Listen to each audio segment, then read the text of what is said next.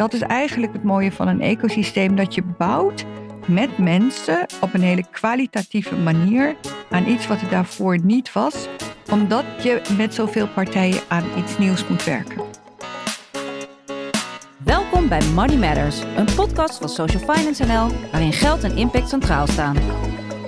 Door in gesprek te gaan met politici, investeerders, filantropen, banken, sociaal ondernemers en andere specialisten, proberen we antwoord te krijgen op de vraag hoe je sociale impact het beste kunt financieren. Hi en leuk dat je weer luistert naar Money Matters. Ik ben Ruben Koekoek, Social Finance NL en vandaag als co-host... Björn Venema, ook als Social Finance NL.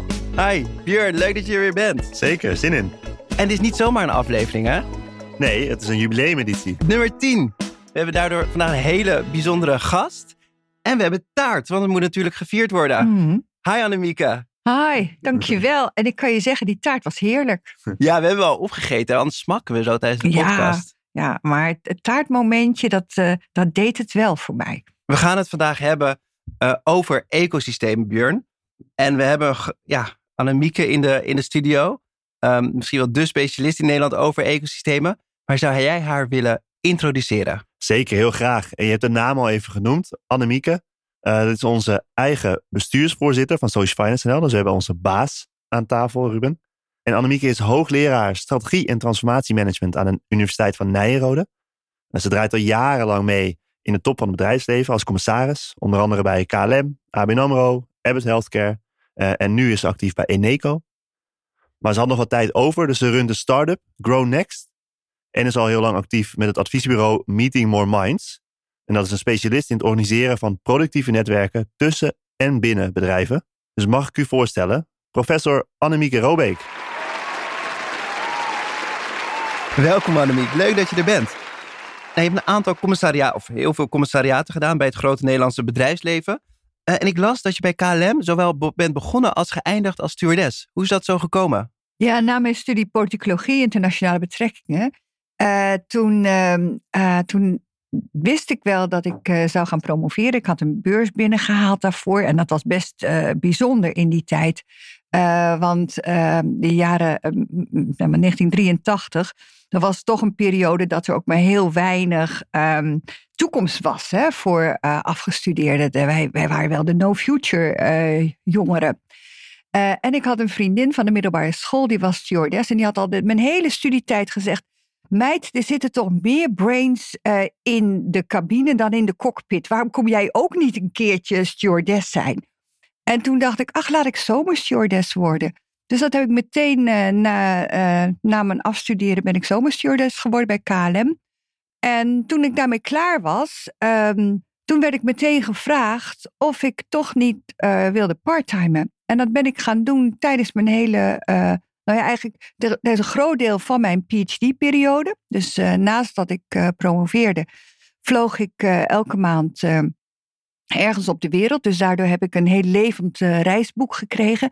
En met internationale betrekkingen. En ik was werkstudent. Achter mij was dat natuurlijk toch wel heel erg leuk om te zien hoe dat allemaal zat in die wereld. En dat was toch een beetje de wereld nog van Peter Stuyvesant. En ik heb mijn tijd bij, bij ehm, als stewardess ook heel vaak gebruikt voor mijn studie omdat ik daardoor heel veel gesprekken kon voeren eh, voor, mijn, eh, eh, voor mijn onderzoek. Dus ik kon overal precies zeggen waar ik naartoe wilde. En er stond een ambassadeur vaak klaar. Of iemand, zeg maar zo'n technisch attaché. Dan kreeg ik allerlei eh, informatie. Dat was heel leuk. En toen ik later eh, gevraagd werd als commissaris, toen heb ik dan natuurlijk wel gezegd dat ik eh, juist heel dicht bij dit werk kan staan, omdat ik het ook echt gedaan heb. Ik heb met die karren gere- gereden en ik heb dat over de hele wereld mogen doen. En, ehm, en ik was op voordag van de medewerkers, werd ik commissaris, dus dat was wel heel erg leuk. En op het eind hebben ze me inderdaad juist, hebben de medewerkers samen met de directie mij aangeboden om de laatste vlucht ehm, eh, werkend eh, te doen. En ik ben naar Zuid-Afrika gegaan. Dus ik heb eh, de langste vlucht ongeveer gehad. En ik heb alles gedaan, tot het schoonmaken van de toiletten aan toe. En daar waren eigenlijk die collega's heel erg verbaasd over dat ik gewoon alles deed. En ik zei, ja, maar dat is het ook. Hè? Betrokkenheid van top en bottom betekent dat je alles met elkaar kan doen. En dat je dat in openheid en transparantie doet. En ja, en ik, ik denk dat het juist goed is om, eh, ja, zoals ik ook ben, een meewerkend voorvrouw te zijn. Ja, en daar komen we later nog op terug. Hè, hoe je als bedrijf onderdeel kan zijn van een ecosysteem. En uh, hoe je dan je medewerkers kan, uh, weet wat er onder medewerkers speelt. En van al die kracht gebruik kan maken. we gaan straks drie stellingen aan je voorleggen over het ecosysteem. Het leuke is, want we hebben negen gasten gehad in deze stoel waar jij nu zit. En die zijn eigenlijk allemaal onderdeel van het ecosysteem waar we aan werken. Het social finance of het maatschappelijk financieren ecosysteem. En in deze slotaflevering van deze reeks um, gaan we het hebben over dat ecosysteem. Waar staan we nou? Wat, waar moeten we naartoe? En wat zijn dan ook de rollen van de verschillende gasten die we hebben gehad? Er is heel veel zin in. Maar eerst gaan we naar de rubriek De Uitglijder. Geld is natuurlijk het centrale thema van deze podcast. En we hebben allemaal financieel eindverantwoordelijke aan tafel. Maar ook die maken wel eens een uitglijder. Daarom beginnen we met de vraag: wat is de domste of meest onzinnige uitgave die je hebt gedaan? Nou, in deze coronatijd doe je eigenlijk heel weinig uitgaven. Hè? Uh, dat merken jullie waarschijnlijk ook wel. Um, maar ik heb wel uh, afgelopen jaar, en het is niet een groot bedrag, maar wel iets waar ik me toch best wel aan erger, uh, iets heel doms gedaan. Ik was verleid door een ja, soort advertentie op, ehm, op het web. En daar zat ik s'avonds zo naar te kijken. En het ging over een, ja, een soort zogenaamd heel handig, uh, ja, wat is het, apparaat of een, een, iets wat je als een rugzak om je, uh, om je schouder zou doen. En dan kan je, kon je meteen heel rechtop lopen. En ik heb een dubbele scoliose. Ik denk, nou, dat is het, hè, want dat kon je onder je kleding doen en alles. Nou, ik heb dat inderdaad besteld. Het kwam uit de VS. En het was ook nog best wel duur. Uh, maar je kreeg het zogenaamd met korting. En ik heb dat nou een aantal keren gebruikt en het werkt van geen kanten. Maar nou was de grap. Ik zei, uh, laatst zag mijn zoon dat uh, bij mij. En die zei, heb jij ook zo'n ding gekocht? Ik zeg, ja. Hij zei, mam, dat werkt niet. Nee, het werkt niet. Dus uh, het is wel weer, dat was wel mijn uitglijder. En voor de heb ik eigenlijk niet zo, ik ben vrij prudent in wat ik koop. Ik geef niet heel veel uh, aan, aan onzin uit. Uh, ik ben wel een snelle beslisser.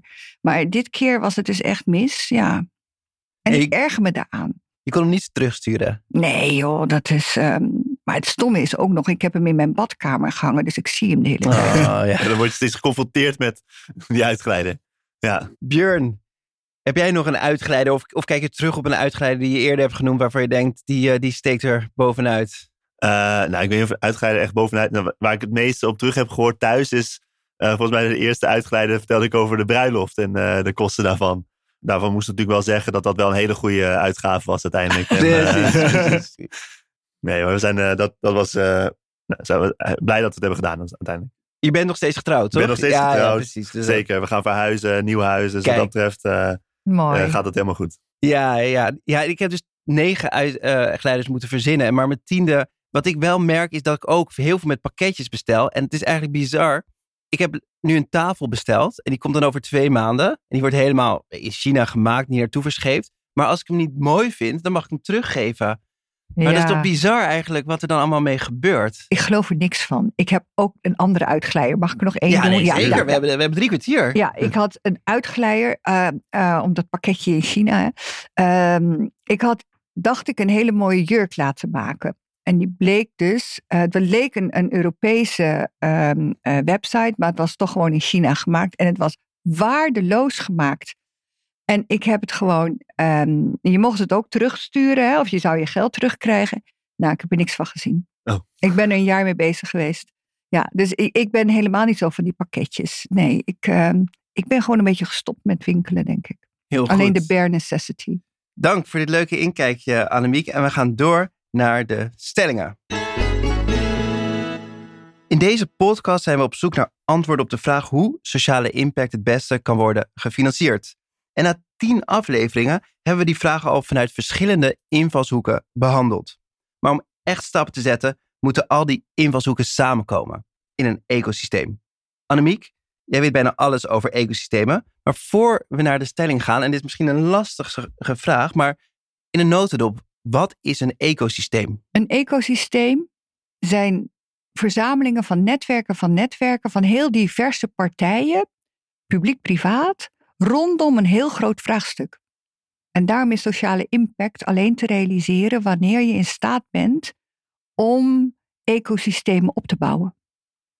Dat is het kortste wat ik kan maken. Wat is een, als iemand in zijn dagelijkse omgeving rondkijkt, van waar, waar kijken we dan naar? Wat functioneert als een ecosysteem? Nou, ik denk dat, um, dat het bijzondere van ecosystemen is dat geen enkel, dat een ecosysteem is bijvoorbeeld vanuit een social, um, uh, social finance impact uh, uh, kant, ziet er anders uit dan wanneer bijvoorbeeld Triodos kijkt naar zijn ecosysteem, omdat geen enkel ecosysteem hetzelfde is. Omdat je bouwt aan onderdelen vanuit de impact die in dit geval social finance wil maken met allerlei partijen rond een vraagstuk. Maar bijvoorbeeld, uh, men denkt heel vaak dat, dat een netwerk al een ecosysteem is. En een ecosysteem werkt. Uh, en netwerken zijn heel vaak rondom. Um, kun je, dan heb je vaak um, zelfde soortige bedrijven. En in een ecosysteem gaat het om enorm veel diversiteit. dus bijvoorbeeld als ik een Gronext neem, hè, het bedrijf wat ik heb opgezet twee jaar geleden. Gronext um, doet op een revolutionaire manier indoor productie van verse groente en fruit. Dan moet ik niet alleen de netwerken rondom zeg maar, de green technologies hebben, maar ik moet ook rondom de finance, rondom de, uh, de productiekant, rondom de hospitality kant, rondom uh, de go-to-market. Dus ik moet heel veel verschillende netwerken creëren. En dat zijn voor een deel ook andere trekkers eromheen. En dan is een heel groot deel wat ik natuurlijk mijn data science kant heb, mijn hele team.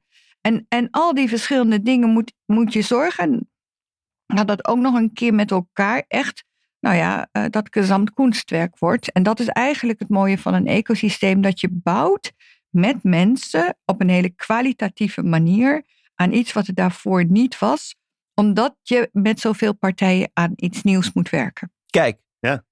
dat brengt mij tot de eerste stelling een ecosysteem ontstaat vanzelf. Nee, dat kan nooit. Een ecosysteem in de natuur ontstaat. Dus een biologisch ecosysteem kun je hebben. Maar als je kijkt, in Nederland is bijna alle natuur is eigenlijk cultuur. Hè, is, niet is, is door mensen gemaakt. Maar als we naar verre afgelegen streken zouden gaan, dan zou je zeggen een biologisch ecosysteem. Dat is iets wat, uh, wat, van, wat zeg zichzelf regenereert. Um, een business ecosystem, en dat is waar we het hier over hebben, wordt gecreëerd. En het wordt gecreëerd rondom vraagstukken, rondom uitdagingen. En dat moeten grote uitdagingen zijn. En wat ik um, juist ook de grote misvatting vind, en dat zag ik vroeger al toen ik op netwerken en later op netwerken van netwerken en ecosystemen werkte, dat mensen denken dat als je een paar mensen maar even bij elkaar zet, dat het dan wel vanzelf gebeurt. En dat is helemaal niet zo. Je moet in feite een sociaal architect zijn. En zo zie ik ook uh, social finance.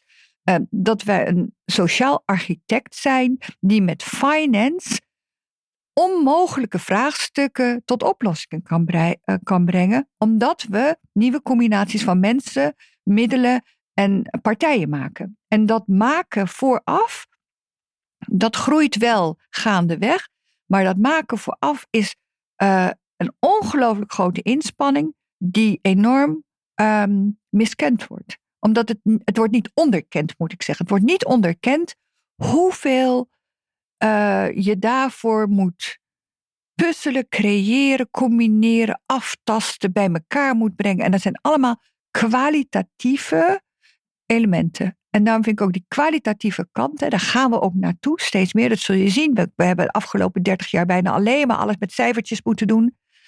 Maar juist die kwalitatieve kant zorgt voor de kwaliteit en ook van het voortbestaan van, terwijl de kwantiteit vaak een momentopname is, die je maar moet geloven op de aannames. En bij kwaliteit gaat het om het opbouwen van het vertrouwen van die partijen. En dat is bestendig. En Björn, zo'n creëren van een ecosysteem, wat we ook bij social finance doen en jij uh, dagelijks in de praktijk brengt, eh, ervaar jij dat als een ondankbare taak? Of hoe, hoe kijk je daar tegenaan?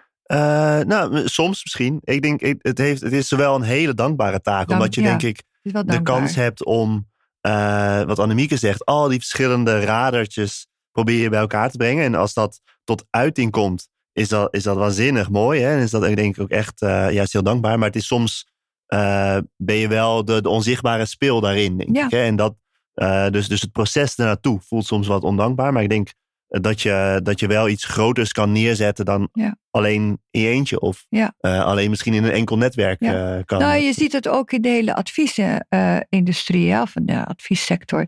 Dat juist dat opbouwen van het ecosysteem juist niet gedaan wordt, omdat het niet betaald wordt. En ik vind, eh, dat bedoel ik eigenlijk met die ehm, miskenning ervan. Dat het fundament leggen voor echt grote veranderingen die met elkaar gedragen moeten worden, maar ook ontwikkeld moeten worden. En waardoor je innovativiteit met elkaar tot stand kan brengen. Dat is zo belangrijk. En ik vind dat dat bij elk, elk initiatief zou, hè, wat een ecosysteem verdient, dan zou daar echt een, een belangrijke post eh, middelen en geld naartoe moeten gaan. En ik zie, of het nou bij de overheid of bij bedrijven is, dat ze allemaal voor de quick win gaan. En dan eh, snap ik wel dat, dat men het liefste een cijfertje onder de streep wil zien, maar dat cijfertje liegt. Terwijl het construct wat je maakt, het sociaal construct, dat ligt niet.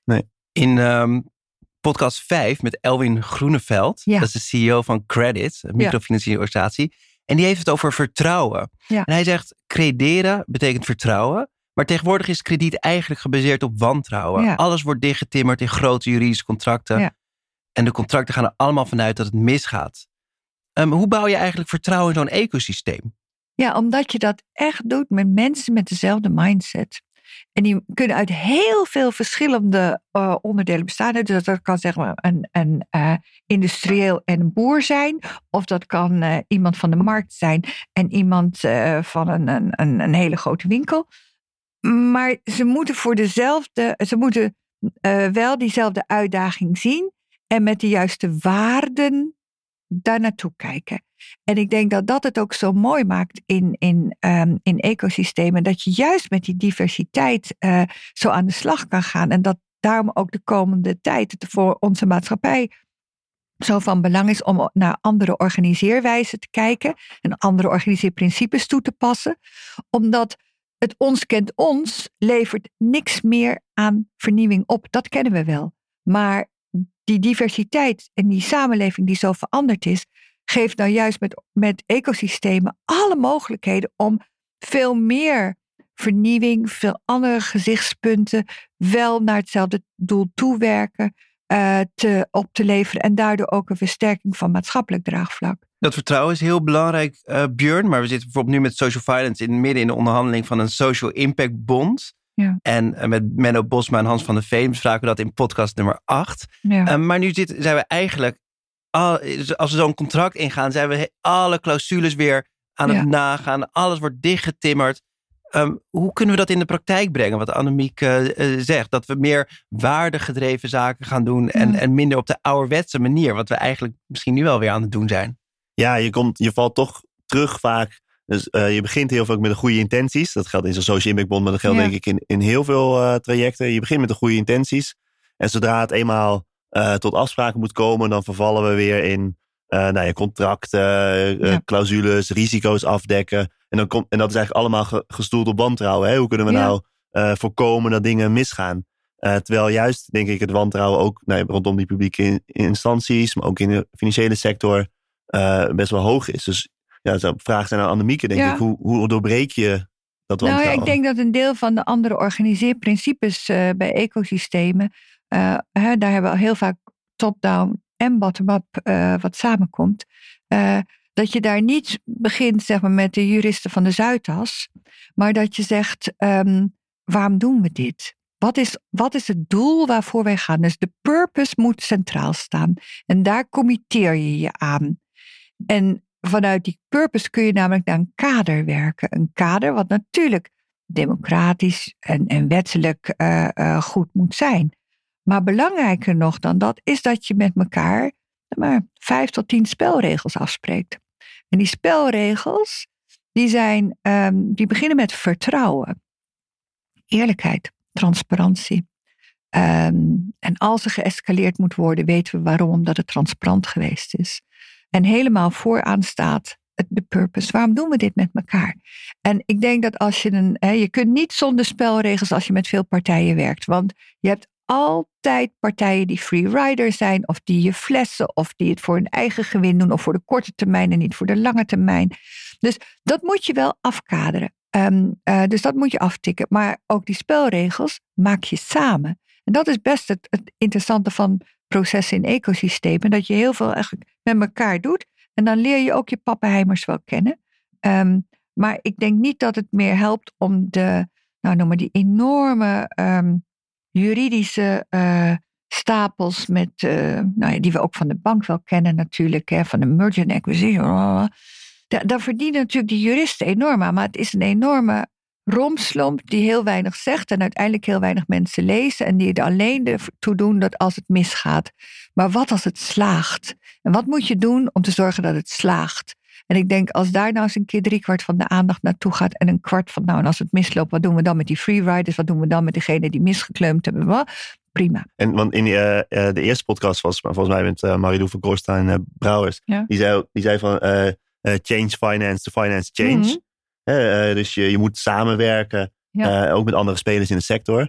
En juist wat je zegt, in de financiële sector geldt dat misschien nog wel meer dan ergens anders. Met de juristen, met de contracten. Hoe, hoe doorbreken we dat in die financieringscyclus. Nou ja, je ziet het denk ik nu ook heel goed, dat, dat eigenlijk heel veel MKB en zo is gewoon avers geworden van banken.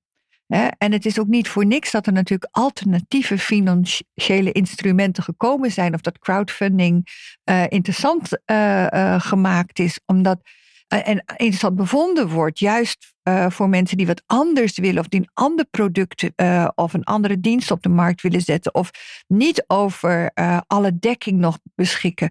Maar die, die gaan ook juist vanuit een purpose, vanuit iets wat, wat ze heel graag willen. Daar krijg je adherentie voor. en dan komt er dus blijkbaar wel geld vrij. Ja, en, en ik vind het dan ook heel typisch dat nu juist zo crowdfunding platforms um, soms ook door banken zwart gemaakt worden. Uh, omdat het een belangrijke concurrentie geworden is. MKB'ers die, die, uh, die nu niet meer bij de banken komen, ja, die hebben ook goede redenen gehad. Die zijn vaak strenger beoordeeld dan de grote bedrijven. Ja, en dat is gewoon, denk ik, ja, daar zie je ook weer een stuk van de ongelijkheid, zie je ook daarin terug. En het zoeken naar nieuwe financiële instrumenten is juist, denk ik, belangrijk. Uh, ook daar weer natuurlijk transparant en eerlijk en. Maar het is nodig omdat in heel veel opzichten juist de, uh, de bestaande financiële sector de boot gemist heeft. En ik denk dat dat werken vanuit gelijkwaardigheid, vanuit de waarde en vanuit transparantie, dat dat zowel in het ecosysteem, maar ook in ons dagelijks werken uh, heel belangrijk is. Gaan, we kunnen hier nog heel lang over praten, maar we moeten naar stelling 2. Het ecosysteem voor maatschappelijk financieren staat nog in de kinderschoenen. Ja, ik denk dat het maatschappelijk financieren nog in de kinderschoenen staat. Want het opbouwen ervan, hebben we net gezegd, dat is eigenlijk rond elk vraagstuk is dat maatwerk. Ja? En dat is precies wat jullie bij Social Finance ook doen. Jullie zijn in staat om naar het vraagstuk te kijken en onverwachte combinaties te maken. Maar het financieren van dat vraagstuk, wat heel vaak bij jullie uh, grote vraagstukken kunnen zijn, uh, rondom ehm, mensen met afstand tot de arbeidsmarkt. Uh, maar ik zal, als jullie willen, straks ook op nog wat andere thema's in willen gaan. Waarvan ik denk, ja, dat, dat is wat gewoon gefinancierd moet worden. Waar we echt um, uh, naartoe moeten gaan. Maar dat, dat financieren daarvan is vaak nog zo lastig. Waarom? Omdat de vraagstukken zo complex zijn dat je nog niet meteen klip en klaar de uitkomst ervan, het resultaat kunt uh, aangeven. En daarom zijn juist zeg maar, die, die maatschappelijke manier van financieren zoals jullie dat doen, die hebben een, een eigen dynamiek in zich, die meegroeit met het vraagstuk en de ontwikkeling en de uitkomsten. En dat maakt het zo ongelooflijk interessant en innovatief.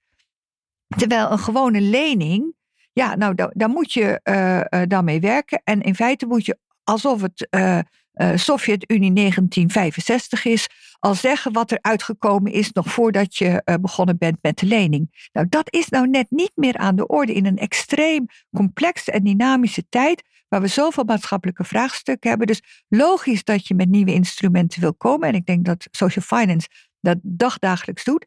Maar tegelijkertijd wonderlijk dat het zo moeizaam gaat. Omdat de gevestigde orde, of dat nou overheden zijn of dat het nou bedrijven zijn, dat die nog heel vaak zich juist vastklampen aan dat wat ze kennen en niet dat wat er mogelijk is. En je, uh, want je omschrijft ook heel veel verschillende partijen. Nou, dat zei je eerder natuurlijk ook al, een ecosysteem is heel divers.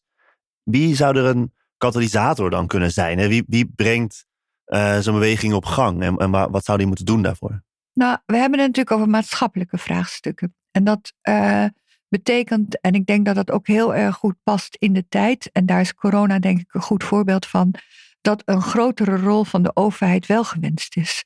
Uh, dat je niet kan zeggen, nou, uh, maatschappelijke vraagstukken, dat betekent het grote bedrijfsleven neemt het voortouw. Kijk, we zijn allemaal heel blij geweest dat uh, Parijs 2015, dat daar grote bedrijven een rol gespeeld hebben om in ieder geval het hoog op de agenda te krijgen, de hele duurzaamheidsagenda.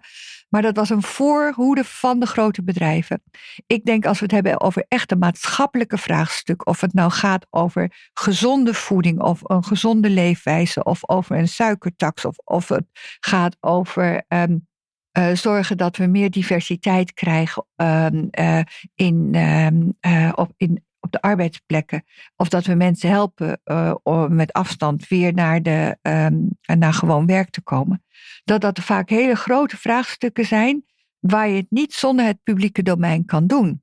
En daarom vind ik het heel erg van belang dat juist ook in, in deze periode, waar we toch wel weer naar een nieuw kabinet zullen gaan, dat er eens een keer onderkend wordt dat die grote vraagstukken op een andere manier uh, aangepakt kunnen worden. En dat daarvoor, als het ware, de voorverkenningen fantastisch goed gedaan kunnen worden op de social finance manier, met ecosystemen.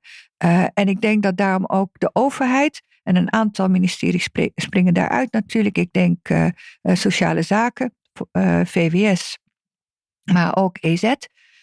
die zouden daaruit kunnen springen om te zeggen: hier gaan we interdisciplinair extra middelen voor vrijmaken. Want dit zijn de grote vraagstukken.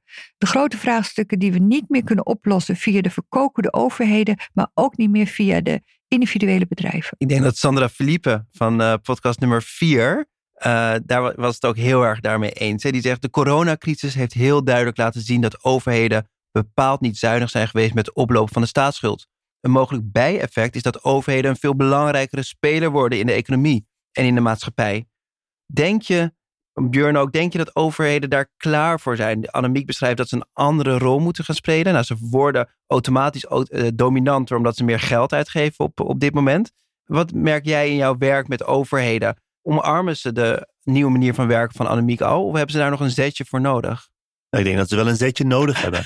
Uh, misschien een inkopper, maar ik denk wel... Uh, op, op persoonlijk niveau zie je denk bij heel veel mensen op die, in die ministeries, in de overheid wel een behoefte. Ik denk dat het, het, heel veel mensen dat verhaal van Annemieke uh, van harte zullen omarmen. Uh, daar ook daar echt de goede intenties uh, voor hebben. Maar nog wel worstelen met het in de praktijk brengen daarvan. Ja. En het is toch nog wel veel georganiseerd in, in hokjes. In plaats ja. van, wat jij zegt, interdepartementeel. Of, of gewoon rondom een vraagstuk. In plaats van rondom je eigen belangen. En dan Annemiek, jij zegt dan altijd, ja, maar je moet ook niet de, de, de topman of vrouw hebben. Je moet een webber zoeken in zo'n organisatie. Wat bedoel je daarmee? Wat is een webber? Nou, een webber is eigenlijk de ultieme connector. Dus degene die echt de verbinding maakt uh, tussen de inhoud van het vraagstuk en een partij die ook mee kan werken in de uitvoering of de financiering.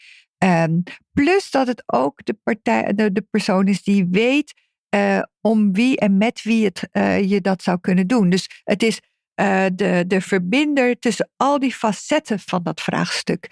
Um, en het is ook nooit één persoon, het is altijd een team, omdat daar ook weer die diversiteit in moet zitten. Uh, je kunt niet één persoon hebben die alles kan. Zoals je ook uh, bij social finance een heel divers team hebt, met meerdere kennisvlakken. En weten jullie ook dat jullie het niet alleen kunnen? Daarom werken jullie ook zo vaak samen met andere partijen omdat je aanvullende kennis uh, en inzichten nodig hebt. En een webber heeft wel zijn of haar sporen verdiend als een hele goede uh, netwerkende, verbindende persoon. Maar die kan, die kan zowel helikopteren naar het hele grote vraagstuk, maar kan ook afdalen en meewerken en verbindingen leggen. Bovendien is een webber, en daarom is hij voor de overheid zo interessant, een webber is degene die zorgt dat er gedeescaleerd wordt. Dus dat wat je in een overheid heel vaak hebt, hè, is dan, dan gaat er iets mis en dan wordt het heel lang onder de pet gehouden. En dan uh, wordt het niet gezegd vanwege de hiërarchie. Dat, dat, dat, dat. En op een gegeven moment, ja, dan ploft het. En dan gaat het helemaal mis. En dan moet in ene een minister of een SG, die moet dan in ene uh, brandjes gaan blussen over zaken waar hij of zij totaal geen weet van heeft en ook geen kennis van heeft. En een Webber is nou juist inhoudelijk en operationeel um, aan de bal. En staat wel in, direct contact, zeg maar, met, uh, met, met de top. Maar heeft het vertrouwen en heeft ook het mandaat om heel veel dingen samen op te lossen met degene in het ecosysteem. En dat maakt waarom het veel vloeiender kan gaan en gemakkelijker en horizontaler. En dat is die nieuwe manier van werken. Uh, en dat is dus, en ik ben politicoloog, maar daarmee depolitiseer je. En daarmee blijf je op de inhoud. En daarmee zorg je dat het blijft vloeien. Hè? In het, in het, het blijft stromen in, in een ecosysteem. En je krijgt niet dat uh, stop and go wat we op dit moment, of dit moment afgelopen jaar, voortdurend bij het huidige kabinet gezien hebben. En niet alleen bij corona. Dus het maatschappelijk belang wordt vertegenwoordigd door de overheid. Als het Overheden, goed is. Overheden. Het kan ook steden zijn, kunnen ook uh, dorpsraden zijn. Ja. Maar ook, uh, ook filantropie geeft aan uh, ja. ja. op te komen voor een bepaalde groep binnen de, de, de maatschappij. Um, en daar wil ik het even over hebben. Over ja. die wisselwerking overheid en filantropie. We hebben in um, podcast 9 Sandra Jette, de, de ja. directeur van het gehad.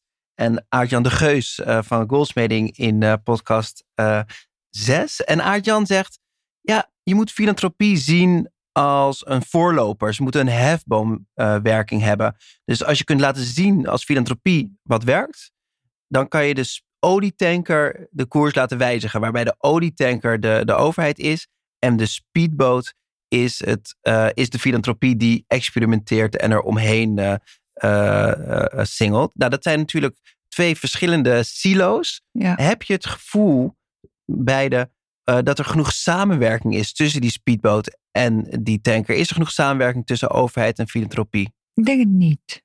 Ik denk het niet. En ik denk ook dat het woord en dat dat zit. Uh, gebruikt filantropie. Hè?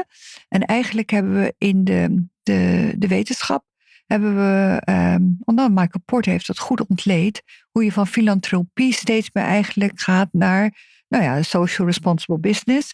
En dat heel veel van die elementen ook in gewone bedrijfsvoering uh, plaats zouden moeten vinden.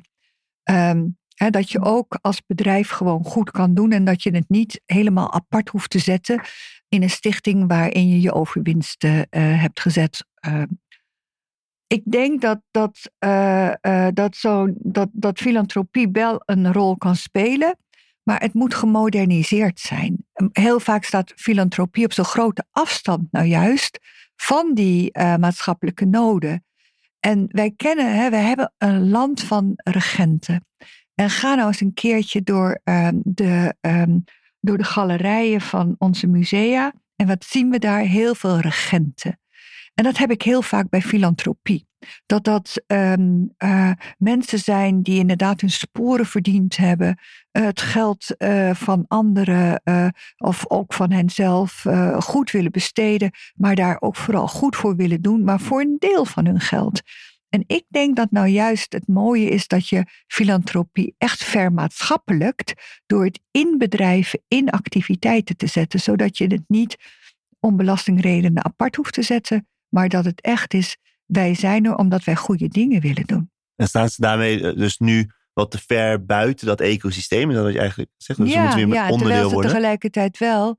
En zeker de. Um, en ik, wilde, ik wil geen negatieve dingen erover zeggen. Want ik vind het. Ja, het is meer vanuit de. Uh, ik, ik denk dat het een belangrijke rol is die ze kunnen spelen. Maar ik denk dat ze juist in het debat bijvoorbeeld nauwelijks een rol spelen. Juist omdat ze um, alleen maar goed willen doen. Uh, en ik denk dat als we het hebben over maatschappelijke issues, dan moet je stelling nemen. Dat kan niet anders. Uh, je moet een positie nemen. Je moet uh, vanuit een doelstelling werken en een purpose. En dan is geld een middel, maar je hebt een stem om te zeggen waar het naartoe moet. Dus filantropie moet meer haar stem gebruiken, ja. maar ook niet alleen maar geven en dan met de rest van het geld maar zomaar investeren, maar het over de hele breedte met een purpose acteren. En dat is eigenlijk ook wel waar, waar wij mee bezig zijn. Hè? Dat we willen dat, dat ze aan het vermogenskant ook impact gaan maken. Wat, wat zie jij daar, Björn? Zijn vermogensfondsen daarmee aan de slag of, uh, of hapert het nog? Nee, er zijn, er zijn in ieder geval heel veel kansen. Ik denk dat, uh, wat Annemieke zegt, hè, je hebt zo, wat geld in die stichting apart zetten, zitten. En er zijn best wel veel vermogende particulieren, maar ook grote vermogensfondsen in Nederland.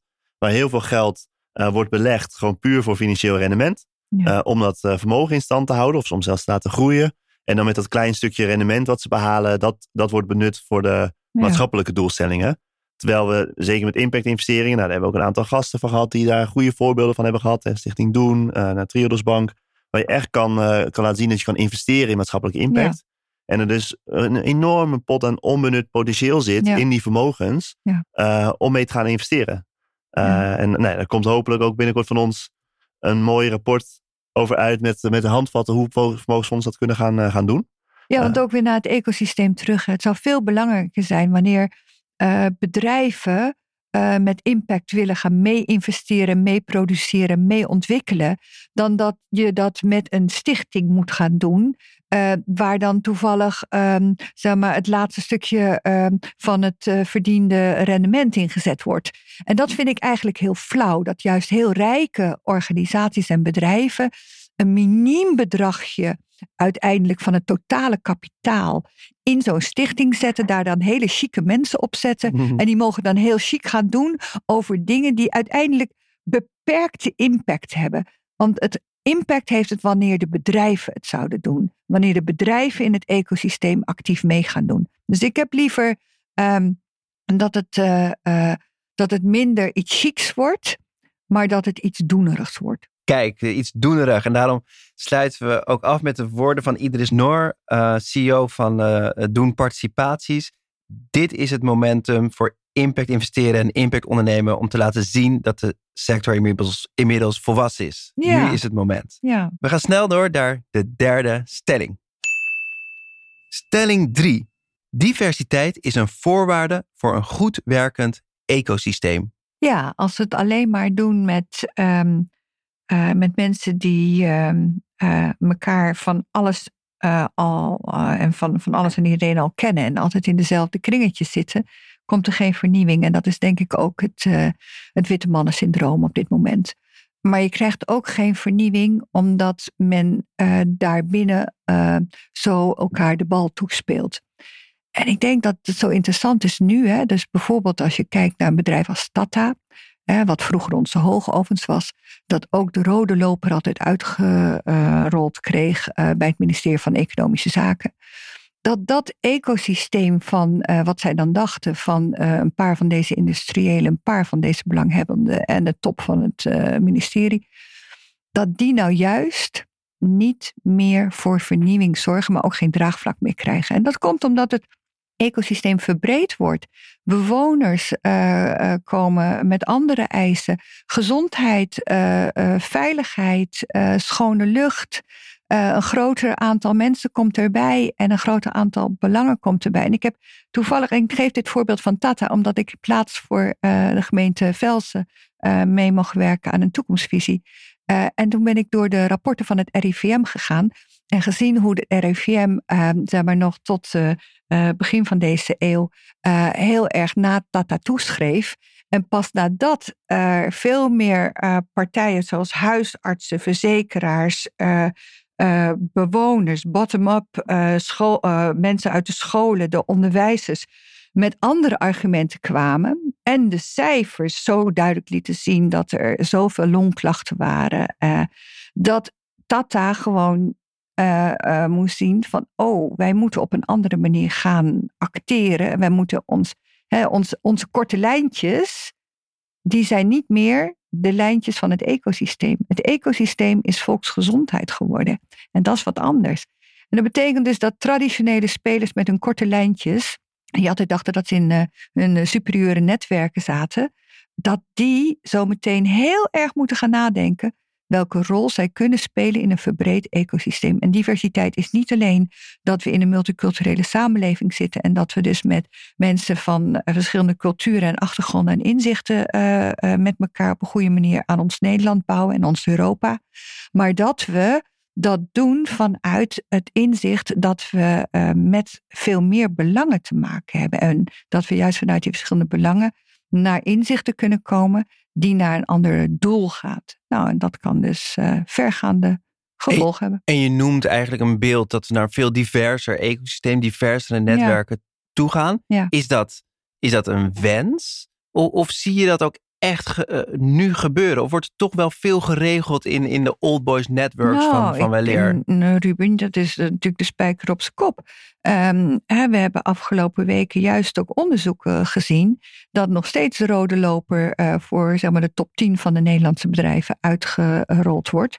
En onderzoek laat ook nog steeds zien dat de grootste vervuilers uh, van ons land van 30 jaar geleden nog steeds dezelfde zijn. Ik heb toevallig net een artikel over 50 jaar milieubeleid uh, geschreven en uh, kon het staven. Het betekent inderdaad nog, dat nog ongelooflijk veel in die, um, in die groeven vastzitten. Ja, van die afgesleten platen, hè, CD's misschien, streams.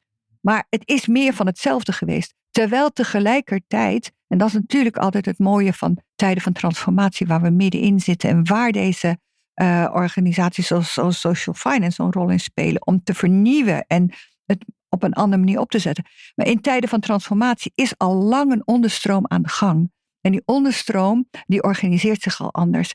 En zoals we dat zeg maar rondom duurzaamheid zien, zien we dat de Tata's zo meteen uitgespeeld zijn. Want we gaan niet miljarden stoppen in onrendabele CO2-oplossingen om die in, uh, in de, de Noordzee te plempen. Terwijl we weten dat we moeten werken aan verduurzaming van de energievoorziening. Uh, en ik ben niet voor niks commissaris bij Eneco, omdat dat een diep groene energieproducent uh, wil zijn. Um, en ik denk juist dat, dat daarmee ga je, de, de narratieve wordt veranderd. En ik vind het zo mooi van, van, van deze tijd. Dat inderdaad degene die dachten dat ze hoog en droog en altijd op die liftconstructie konden uh, rekenen, dat ze meteen bij de minister zouden zitten of dat de rode loper uitgedraaid werd. Dat in deze tijd juist transparantie er is. En dat je je kunt afvragen, waarom komen deze mensen altijd eerder? Waarom krijgen zij altijd driekwart van de SDE-subsidies? Waarom kunnen zij bepalen, ook bij kabinetten, uh, uh, vooraf haast, wat erin komt te staan. Dit soort intransparante uh, belangen um, die gezekerd worden door de oude garde, dat willen we niet meer. En diversiteit zorgt er ook voor dat we laten zien dat er veel meer partijen zijn, veel meer uh, belangen te dienen zijn dan alleen die die het altijd al gehad hebben. Zelfs heel recent hè, zie je natuurlijk ook rondom de coronasubsidies dat, dat ja. het grote bedrijfsleven uh, voorop staat. Ja. Uh, hoe, hoe zorg je, want je, je zag ook met de ecosystemen zeggen van ja, het is veel meer ook op gelijkwaardigheid, hè, samenwerken, ja. veel meer bottom-up. Hoe zorg je dat bijvoorbeeld de nou, echt de meest kwetsbaren in, de samenleving daar, daar goed in vertegenwoordigd zijn? Daar hebben die stem nodig, die stem. Ik denk dat bijvoorbeeld wat we afgelopen tijd gezien hebben, dat, dat, uh, dat die politici die wel hun stem gaven aan hen die niet die stem hadden, dat die nu geëerd worden. Maar ook verguisd zijn door de zittende garde. Ja, niks aan toe te voegen. Ja. Niks aan toe te voegen. nou, maar, wat wel interessant is, van hoe, hoe we, we hebben het over witte mannen, dus dan gaat het over, over gender en etniciteit. Maar je geeft ook aan, ja. diversiteit is veel meer dan, dan dat. Maar hoe, waar moet je rekening mee houden als je een divers team wil bouwen of een divers ecosysteem? Waarom lukt het ons toch vaak niet, ondanks alle goede bedoelingen, ja. uh, dat we diverse teams uh, bouwen. Ja, ik had gisteren in mijn college op Nijrode, uh, had ik Astrid Elburg, juist een specialist voor diversiteit en integratie, als, als gastdocent. En uiteindelijk is het toch heel vaak niet um, dat we, we zien het niet. Je ziet het niet, ja. omdat je er niet mee geconfronteerd bent. Omdat je in die eigen bubbel zit en je denkt dat je het goed doet, maar je mist zoveel omdat je niet in contact staat met. En ik denk dat dat door die coronatijd alleen maar erger geworden is. Hè? Dus dat we bijvoorbeeld, uh, hoe anders is het? En ik vind bijvoorbeeld wat, wat Astrid daarbij doet voor het Rijksmuseum, om te zorgen dat bij openingen nu de afgelopen jaren heel veel andere mensen binnengekomen zijn. Niet alleen meer de grijze dames en heren van de grachtengordel, maar dat het een heel gekleurd gebeuren geworden is omdat zij wel in staat is om heel veel andere netwerken aan te boren en uit te nodigen. En dat het ook het Rijksmuseum zegt, wij willen een ander, een ander publiek aantrekken. Uh, dus het is wel degelijk mogelijk, maar je moet dan ook wel samenwerken met die mensen die daar ook weer toegang toe hebben. Dus bijvoorbeeld, als het is voor mij een fantastische webber om juist te zorgen voor diversiteit, maar ook een belangrijk iemand die gisteren aan uh, uh, mijn deelnemers op Nijenrode uh, laat zien van, stel je je deze vragen, heb je deze, deze onderwerpen wel genomen? Sta je er wel voor open? Ben je wel ontvankelijk genoeg? Ben je uitnodigend genoeg? en ik denk dat die, die hartelijkheid, uh, dat die juist erin moet komen. We moeten weer veel hartelijker worden naar elkaar. En, en dat vraagt dan een ander soort leiderschap. Zeker. Maar, maar ook andere mensen in posities van leiderschap misschien wel. En met, nou, met Simone Brummelhuis had hij het over ja. Uh, het vrouwenquotum. Hè? En zij zei van eigenlijk er is niks mis met quota. Want soms hebben mensen ook gewoon een zetje nodig. En daarom moet je mensen echt faciliteren om ergens terecht te komen waar ze misschien uit zichzelf niet zo snel terechtkomen. Ja. Uh, dit is heel specifiek voor vrouwen, maar dat geldt misschien wel voor bredere diversiteit. Oh, en ja. helpt zo'n quotum? Oh ja, nou ja, ik ben zelf nu meer dan 30 jaar uh, commissaris bij hele grote bedrijven geweest. En nog steeds. En in het begin ben ik natuurlijk altijd de enige geweest. Hè? En, uh, en ik wist dat ik, het, dat ik altijd vaak slimmer was dan die mannen die er zaten. En toch word je altijd geconfronteerd met het idee van, nou, je mag er ook bij. Terwijl uiteindelijk, doordat ik altijd zoveel met de medewerkers echt gewerkt heb en, en ook ontvankelijk was uh, voor, voor wat zij mij zeiden, ontstond altijd bij al die bedrijven uiteindelijk het idee van hé, hey, zij doet het anders. Zij doet het anders. Dus in die zin was ik natuurlijk ook een brok diversiteit in die, um, in die mannenwereld. Ik vind wel dat dat heel erg veranderd is, ook bij de raden van commissarissen.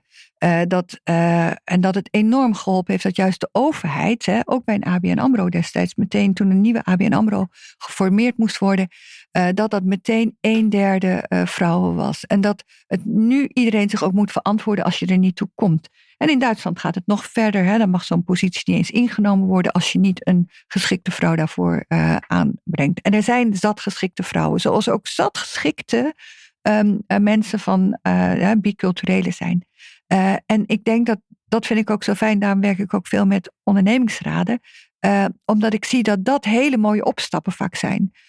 Waar mensen wel, bijvoorbeeld Unilever heeft een fantastische voorzitter van de ondernemingsraad. En een man is Nederlander van Marokkaanse afkomst. Fantastisch. En die bruggenbouwers, die hebben we heel hard nodig. Kijk, we gaan afronden.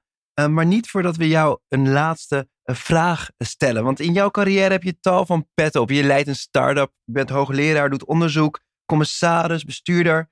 Maar vooral een spin in het web van verschillende ecosystemen. Een webber, zoals we net ja. zeiden. Ja. En mijn vraag aan jou is dan, voor onze luisteraars. Hoe word je een webber? Een webber word je denk ik doordat je aangetrokken wordt uh, door, door een doel, door een purpose. En doordat je daarvoor uh, ja, meer dan die extra mile wil gaan. En doordat je nieuwsgierig bent en dat je daardoor je openstelt en dat je naar mensen toe gaat, maar ook mensen naar jou toe laat gaan. En want het is wel wederzijds dat je dat moet doen. En dat je daardoor uiteindelijk je netwerken opbouwt. En dat kan je al van jongs af aan doen. Dat kan je eigenlijk al vanaf je middelbare school doen. Door actief te zijn op school, actief te zijn in, in jongerenbewegingen, actief te zijn rondom uh, buurtactiviteiten of, of milieu of wat dan ook. En ik denk dat, dat, dat überhaupt dat breder kijken dan je beeldscherm, breder en ook bijvoorbeeld gewoon kranten te lezen is een hele belangrijke om, om Podcast luisteren. Een podcast luisteren. Ja, wel goed. Ja, maar de, je openstellen voor veel meer vraagstukken dan um, wat normaal op je programma staat of wat bij je functie hoort. Uh, uh, nee, en, en, je rol pakken in de maatschappij. Dat is uh, de eerste stap naar webber zijn. Volg niet je baas, maar je nieuwsgierigheid. Absoluut. Björn, wat neem je mee uit deze podcast? Ja, nou, ik vond het ook een leuke terugblik tegelijkertijd op al die andere ja. podcasts. En mooi ook dat er zoveel daarvan samenkomt. En dat is denk ik vooral de les. Ja. uh, heel veel van wat we willen doen en heel veel van die verschillende schakeltjes, die moeten uiteindelijk samen gaan komen in een, in een goed functionerend ecosysteem. Ja. en dat is meer nodig dan ooit, denk ik. Hè? Met, met best wel veel echt prangende vraagstukken die we, die we nou, gewoon de komende, gewoon de komende periode moeten, moeten gaan aanpakken. Dus uh, ik, ik, kijk heel erg naar uit om daarmee met die ecosysteem, ja. met meer diversiteit, uh, uh, hopelijk ook meer kans te hebben om die vraagstukken aan te gaan pakken. Nou, ik denk ook wel als voorzitter van Social Finance NL, eh, denk ik dat je trots mag zijn op zo'n rijk ecosysteem wat jullie gebouwd hebben. Dankjewel. Dankjewel, dankjewel. En, en mooi ook om te zien hoe de theorie en de praktijk zich zo vaak eh, raakt hier aan, de, aan, eh, Ja. aan tafel. Ehm, enorm bedankt voor, voor je tijd en inzichten voor deze podcast, maar ook breder voor Social Finance NL. En we zijn niet alleen aan het einde gekomen van deze podcast, maar ook van de podcastserie. En ik heb goed nieuws. We gaan door. Yes. Heel We mogen door. We hebben al enorm veel interessante gasten. Een, eh, een wetenschapper, een oud-minister. Er komen allerlei mensen, hebben al toegezegd om weer aan tafel te, te komen. Ja, dus we, we starten over een maandje gewoon weer met nummer twee. Abonneer je op, eh, op het podcastkanaal, dan hoor je precies wanneer we gaan starten. Heb je een vraag of verzoek of wil je een gast of een onderwerp? Laat het ons weten via info.sokvin.nl. En vergeet ook niet een recensie achter te laten in de iTunes podcast app, waar ik altijd al tien keer over struikel dat woord. ik dank mijn co-host Björn. Bedankt dat je er weer eh, was. ABN AMRO en het Oranje Fonds eh, voor de eh, sponsoring. Ik wil ook de productie bedanken. Daniel van der Poppen, die ons teampodcast geweldig heeft begeleid. En onze redactie onder leiding van onze communicatiemanager Daphne Splegger en Nina Berkulo. Dankjewel.